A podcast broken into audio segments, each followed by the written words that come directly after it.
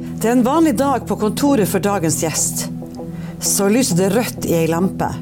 Det er kameraten hans som er i livsfare. Hva er det som skjer? Møt medisinsk informatiker Gunnar Hartvigsen.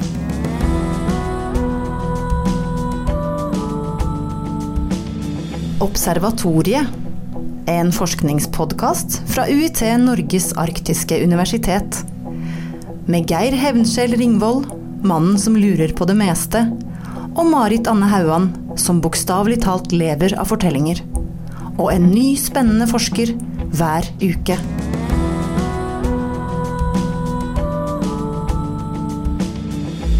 En gang i året så blir altså Isaskatedralen, Tromsdalens praktfulle kirke, opplyst med blå, blått lys. Det er på diabetesdagen.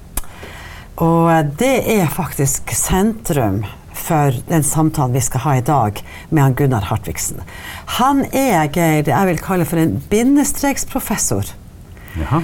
Han er professor i medisinsk informatikk ved Universitetet i Tromsø, Norges arktiske universitet. Velkommen, Gunnar. Takk. Eh, og han, hans forskning de siste mange, mange år har vært knytta til diabetes. Ikke som sykdom som sådan, men hvordan teknologier kan anvendes for å gjøre diabetespasienter mer kompetente pasienter. Mer fornøyde pasienter. Eh, hva er, hva er ei diabetesdagbok? Ja, vi eh, Kanskje for, å ta det til historien her, er jo at eh, vi starta opp med eh, ulike typer teknologier for eh, diabetes. Vi starta opp med hvordan skulle du eh, overfør, få overført eh, og lagra blodsukkermålingene dine eh, for å, kunne studere dem i ettertid. Og da utvikla vi en eh, Bluetooth-versjon av eh, en, en, eh, som gjorde, eh, eller Bluetooth-sensor som gjorde at man kunne overføre verdiene til en datamaskin eller en, etter hvert en telefon. Så tok vi da og Så dette her kunne jo brukes kanskje for, for ungdom som som var mye på farta, som hadde type 1-diabetes. Eh, Så vi utvikla en applikasjon som overførte blodsukkerverdiene til, til ungdommen til foreldrene sine smarttelefoner.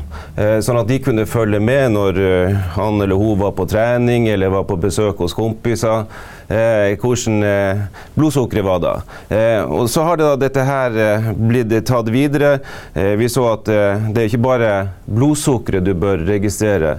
Du må også registrere hva du spiser, fordi at det er kan du si, tre ting som er viktige å følge med nå hvis du har diabetes. Det er selvfølgelig Du måler blodsukkeret ditt. Men for å regulere blodsukkeret eh, så gjør du det ved hjelp av mat. Så vi eh, teller karbohydrater, vi registrerer karbohydrater. Og du gjør det ved å ta insulin, som da, som da fører til at blodsukkeret senker, senke, seg. I tillegg så er det viktig å, å følge med på fysisk aktivitet. fordi at når du er fysisk aktiv, så forbrenner du mer sukker. Og da eh, vil eh, blodsukkeret også eh, bli redusert. Da.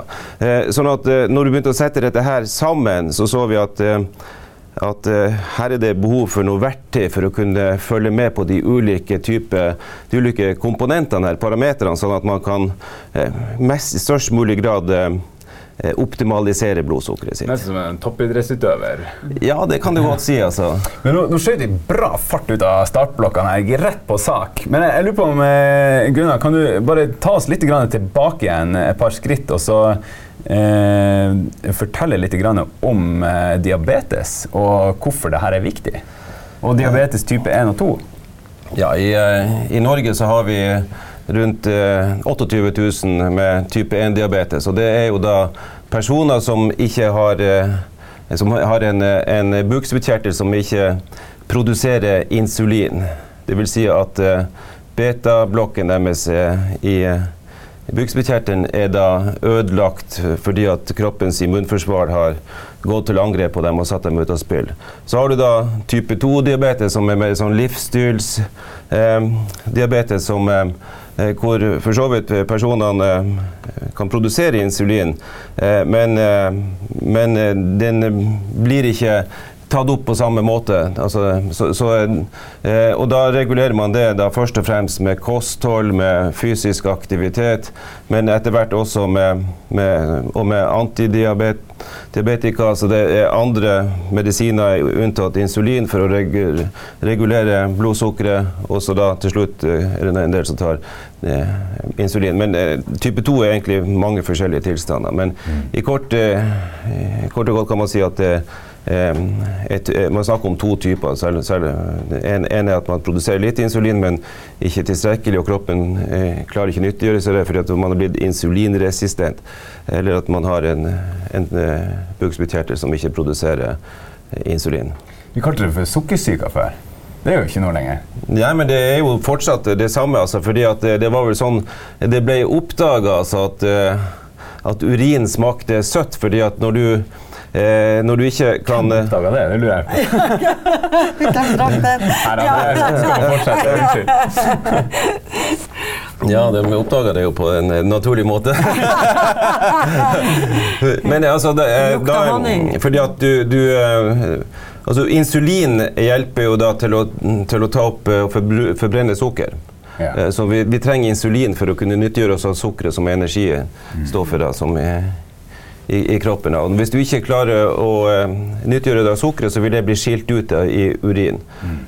Men det som skjer også da eh, og det er jo sånn mange av disse type 1-diabetes oppdages at de For, for når, du, når, du, ikke kan eh, til, ta til deg energi, da, sukkeret, mm. så begynner kroppen å gå i sånn nødmosus og, og forbrenne fett og muskelvev. Eh, og når du eh, forbrenner fett, så kan du så, kan du, så, opp, så får dannes et stoff som heter ketose, og da kan du få en sånn ketoseforgiftning. da, eh, Sånn syreforgiftning hvis det, dette her pågår for lenge. Det, så ofte blir jo mange oppdaga Uh, type 1, med type 1 da, som en kritisk tilstand. Altså, men er du medisiner òg? Nei da, men uh, jeg har jo lært litt i, etter å ha jobba med dette her. Så det skal jo på ingen måte um, påta meg. Og være medisiner. Men, eh, men du men, kan det som skal til for å forstå hva som ja, er dilemmaet? Altså, men, men, dette her er jo veldig viktig når man jobber i, dette her, i, i mm. sånne prosjekter, at, at uh, vi ikke tror at vi kan nok om uh, en f.eks. diabetes. Så vi jobber selvfølgelig tett sammen med endokrinologer, altså de som er eksperter på uh, diabetesbehandling, som da er endokrinolog. Endokrinologi er jo da læren, læren om hormoner. sånn at, og Bukspyttkjertelen er en hormonproduserende eh, kjertel. Så eh, det diabetesteamet på UNN har vi jobba veldig tett sammen med over eh, mange år. UNN er sykehuset i Tromsø? Altså. Det er da, Universitetssykehuset i Tromsø. Men du, da Nå vet vi noe om diabetes. Men hva, hvordan forklarer man hva informatikk er? Hva er det slags fag? Ja, informatikk altså, er, kan man godt si er altså, bruk av datamaskiner til, eh, til, problemløsning. Eller hvis vi skal ta det på den formelle eh, måten, så er det da eh, er det studier av algoritmiske eh, metoder for eh, å løse problemer eller å eh, transformere informasjon. Altså, en algoritme er da en, en endelig eh, steg av funksjoner for å løse et problem eller et sett av problemer. Så, eh, vi bruker da algoritmisk eh, tenkning. Eller tenk, du kan heller si at vi er ingeniører da, som eh, bygger ulike typer programvareverktøy for å løse ulike typer problemer. Og det er jo Altså, de fleste er vel egentlig ikke klar over hvor avhengig mm. de er av informatikere, eller computer science, som det heter på engelsk. Ja, det er jo veldig fascinerende. Uh, det som skjer. en dag uten smartphone din, så tror jeg det er mye å savne eh, sånne som deg. Men når du forklarte oss dette med, med veien frem til diabetesdagbok, så høres det jo ut som sosiale medier. Det er apper her, og det er apper der, og det Så det jo, høres ut som dere eh, har tatt for dere av den teknologien som er den mest voksende nå, altså den sosiale medieteknologien, for å løse problemer for diabetikere? Ja, det stemmer. det. Vi har, altså, vi, denne Diabetesdagboka det er for oss et uh, sånn forskningsverktøy som vi da har uh, brukt også for å uh, starte mange andre prosjekter. Så jeg har jo hatt en doktorgradsstudent og en postdoktor som har jobba med sosiale medier for diabetespasienter, for, som har sett på hvordan den type medier brukes. Vi har, vi har mer og mer begynt å se på hvordan vi kan bruke sosiale medier for å knytte diabetespasienter sammen, sånn at de eh, kan hjelpe hverandre og motivere hverandre til å være optimalt regulert. Og Der har vi brukt ulike typer eh, teknologiske hjelpemidler. altså det det, det, det, kanskje et, bare For å ta et eksempel. Har, hvis dere hadde kommet ned på Nasjonalt senter for e-helseforskning, f.eks., ville dere se at der sto det en, en lampe med ei fargepære som eh, skifter mellom å være grønn, gul eller rød. Eh, denne, per, denne, lampa er knytta direkte opp mot uh, en av mine tidligere doktorgradsstudenter, som også er leder for denne M-helsegruppa og diabetesteamet på uh, dette senteret, Erik Aarsand. Han er type 1-diabetiker. Mm. Uh, og han går rundt med en, automat, en kontinuerlig blodsukkermåler, som hvert femte minutt måler blodsukkeret hans. der har vi da utvikla en nummer Eh, maskinvare liten, eh, og, og noe programvare som gjør at hans eh, blodsukkeret det, blir, det blir da også i tillegg til at det blir overført til denne målenheten, eller kontrollenheten for Eh, for denne kontinuerlige måleren så blir det overført til hans mobiltelefon, smarttelefon, som så blir, sender den videre til en sånn cloud-basert, eh, skybasert løsning, så at vi kan, eh, kan få tilgang til hans eh, blodsukkerverdier. Også de andre dataene i, eh, han, i, i diabetesdagboka hans fra hvor som helst. Så denne, denne lampa, da, når han Erik eh, sitt blodsukker er mellom 4 til 10 millimol per liter, så er den grønn, for det er innenfor det anbefalte området. Eh, er den gul, så betyr det at han har forhøya blodsukker. Eh, det bør han jo ikke ha over lang tid, for det, da sånn, kan du få sånn senskadevirkninger. Og er den rød, så er det under fire billigmål. Og, og eh, da kan det være kritisk. Og for Da går kroppen i sparemodus? Ja, da, da, det betyr jo at da har du Eh, da har du for lite sukker, altså. Mm. Eh, så da eh, Du kan Etter hvert går du for lavt, så blir du, mister du bevisstheten. Og hvis du da ikke får tilført sukker, så kan du dø av dette her. Så For en tid tilbake så satt jeg og jobba på arbeidsplassen min der, og så så jeg at lampa var rød.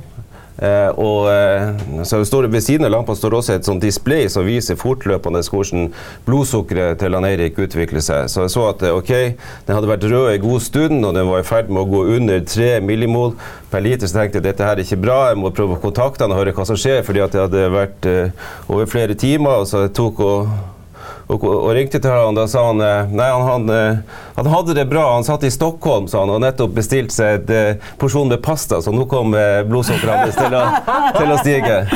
Så vi, vi, ser for oss at denne, her, denne type teknologien det, den har vi egentlig utvikla for foreldre med, med barn med, mm. med, type 1-diabetes. Sånn at hjemme i stua eller på kjøkkenet eller hvor som helst, så har de ulike sånne lamper som skifter farge da, avhengig av hvordan blodsikre Det her må jo være utrolig kostbart. Hva, hva koster en sånn installasjon? Den er, den, er, den er, svært billig. Vi bruker uh, denne lampa der, eller pæra, den har vi kjøpt på Claes Olsson. Så den, uh, vi har bare tatt over fjernkontrollen, sånn at uh, den vi, vi, vi, er avhengig av av selvfølgelig blodsukkerverdiene, så er det da en, en, sånn liten hardware eh, som er, som er utvikla. Men det for så vidt er noe som vi delvis har henta fra Eh, en, eh, en gruppe i California av foreldre. Det, som heter, De kaller seg for Night Scouts, eller hashtag eh, We Are Not Waiting.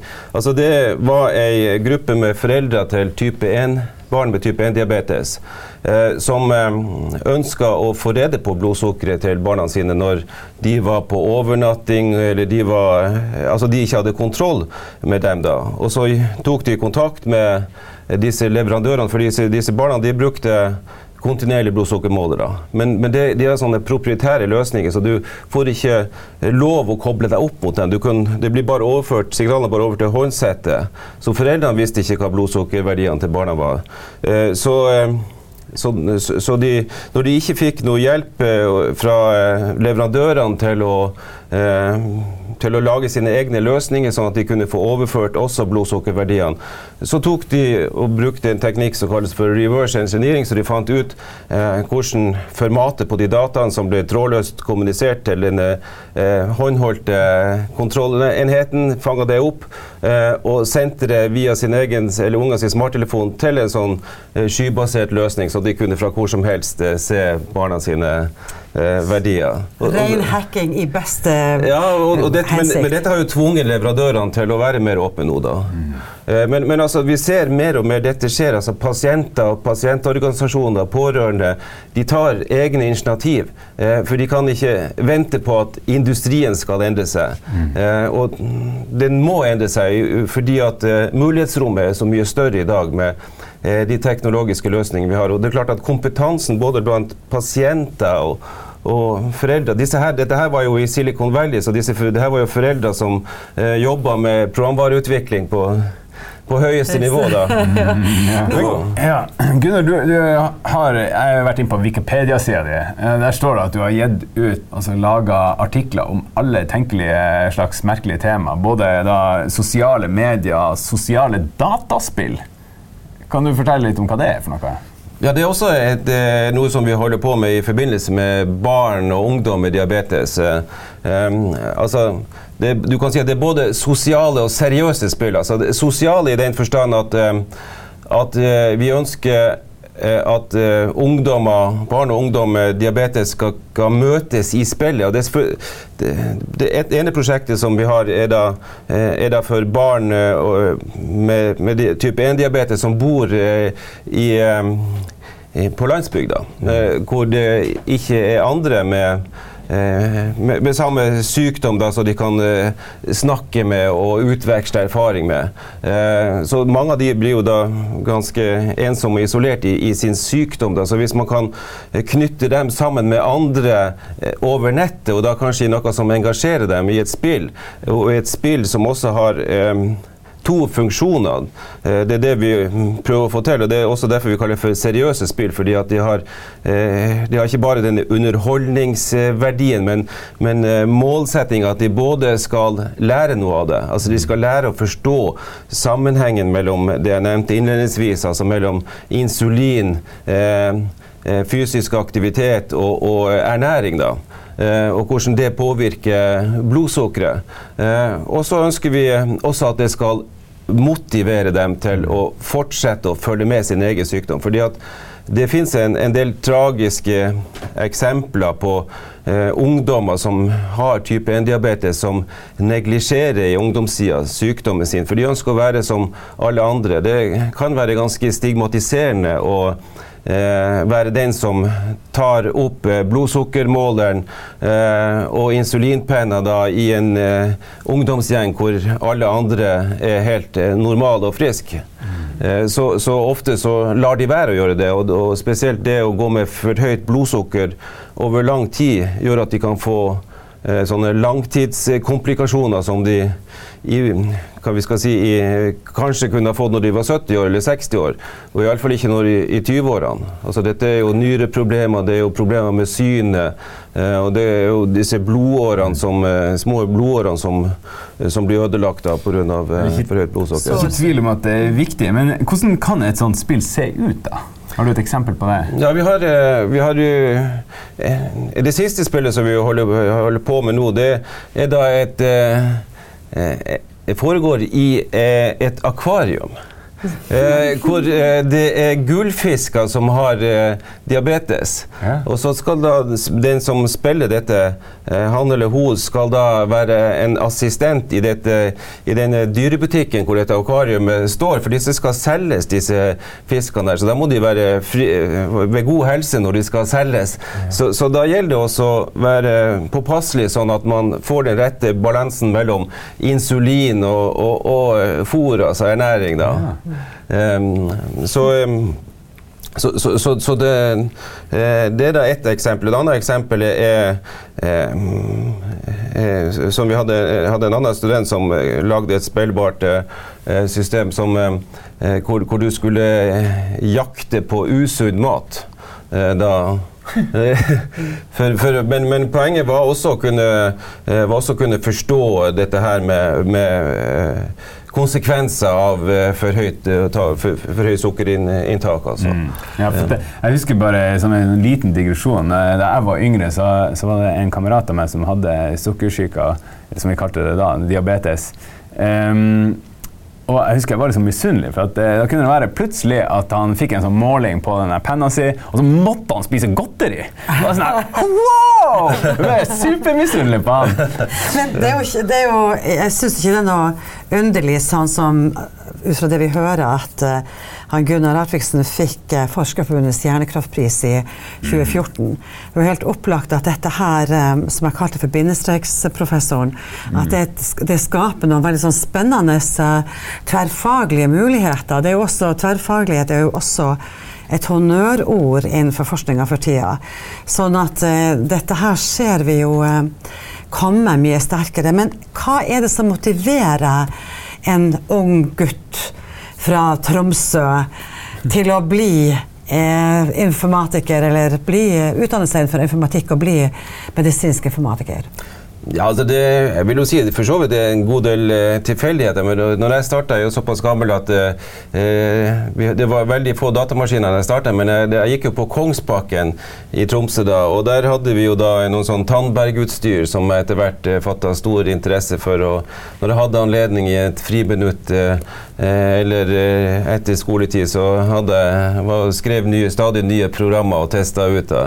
Um, så, så eh, det var vel egentlig det som gjorde at jeg til slutt havna på eh, Institutt for informatikk, eller seksjon for datafag, som det het den gangen. Eh, og så har det da ja, så, så hadde, når jeg begynte der, så hadde jeg jo ingen tanker om å fortsette på universitetet. Jeg skulle jo ut i næringslivet og hadde jo noen eh, avtaler også før jeg var ferdig med, med hovedfaget mitt. Men, eh, men så dukka det opp en eh, stipendiatstilling som noen Eh, tok da, riktignok i, i Bodø, da. Eh, eh, og Derfra så hadde jeg, jo, da hadde jeg tenkt å kombinere min interesse for økonomi eh, og informatikk. da. Eh, men eh, Eh, så fikk ikke kona mi seg jobb i Bodø. Da måtte vi jo da fortsette å bo i Tromsø, da. For da skulle hun studere videre. Så da, måtte, da slutta kutta dette, mine interesser innenfor økonomi og, og, begynte å jobbe litt med sånn kjerneproblemer innenfor informatikk, distribuerte systemer, kunstig intelligens. Eh, så kom jeg i kontakt eh, med dette telemedisinmiljøet da, og fikk eh, flere studenter eh, fra det miljøet som, eh, som, som jeg syns jobba med mange interessante ting. Så jeg ble etter hvert en del av det miljøet sjøl. Hadde hatt gjennom ei bistilling på, på UNN.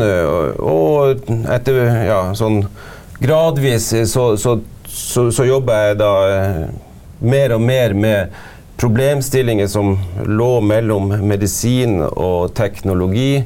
Um, og i dag så er det stort sett bare den type uh, problemer jeg jobber med. Og, og uh, jeg var med å starte opp et uh, internasjonalt mastergradsstudium i telemedisin og e-helse, som vi fortsatt har på universitetet. Men i år, i 2018, så starter vi også opp et femårig sivilingeniørstudie i helseteknologi, da, som er da et samarbeid mellom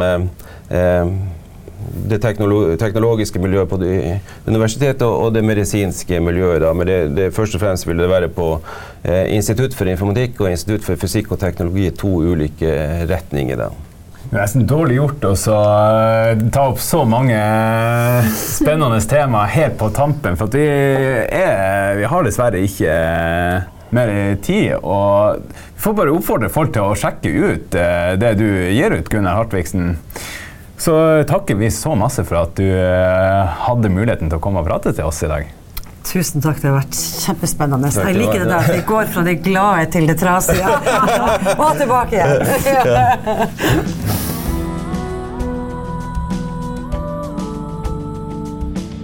Tusen takk for at du var med oss i dag. Om du vil lese mer om forskninga, finner du det på jubileumssidene våre uit.no 50. Hver torsdag gjennom året kan du høre en ny forsker. Om du abonnerer på Observatoriet på Soundcloud, iTunes eller enhver annen podkast-app, kan du høre på tidligere episoder og få nye rett inn på din valgte kanal.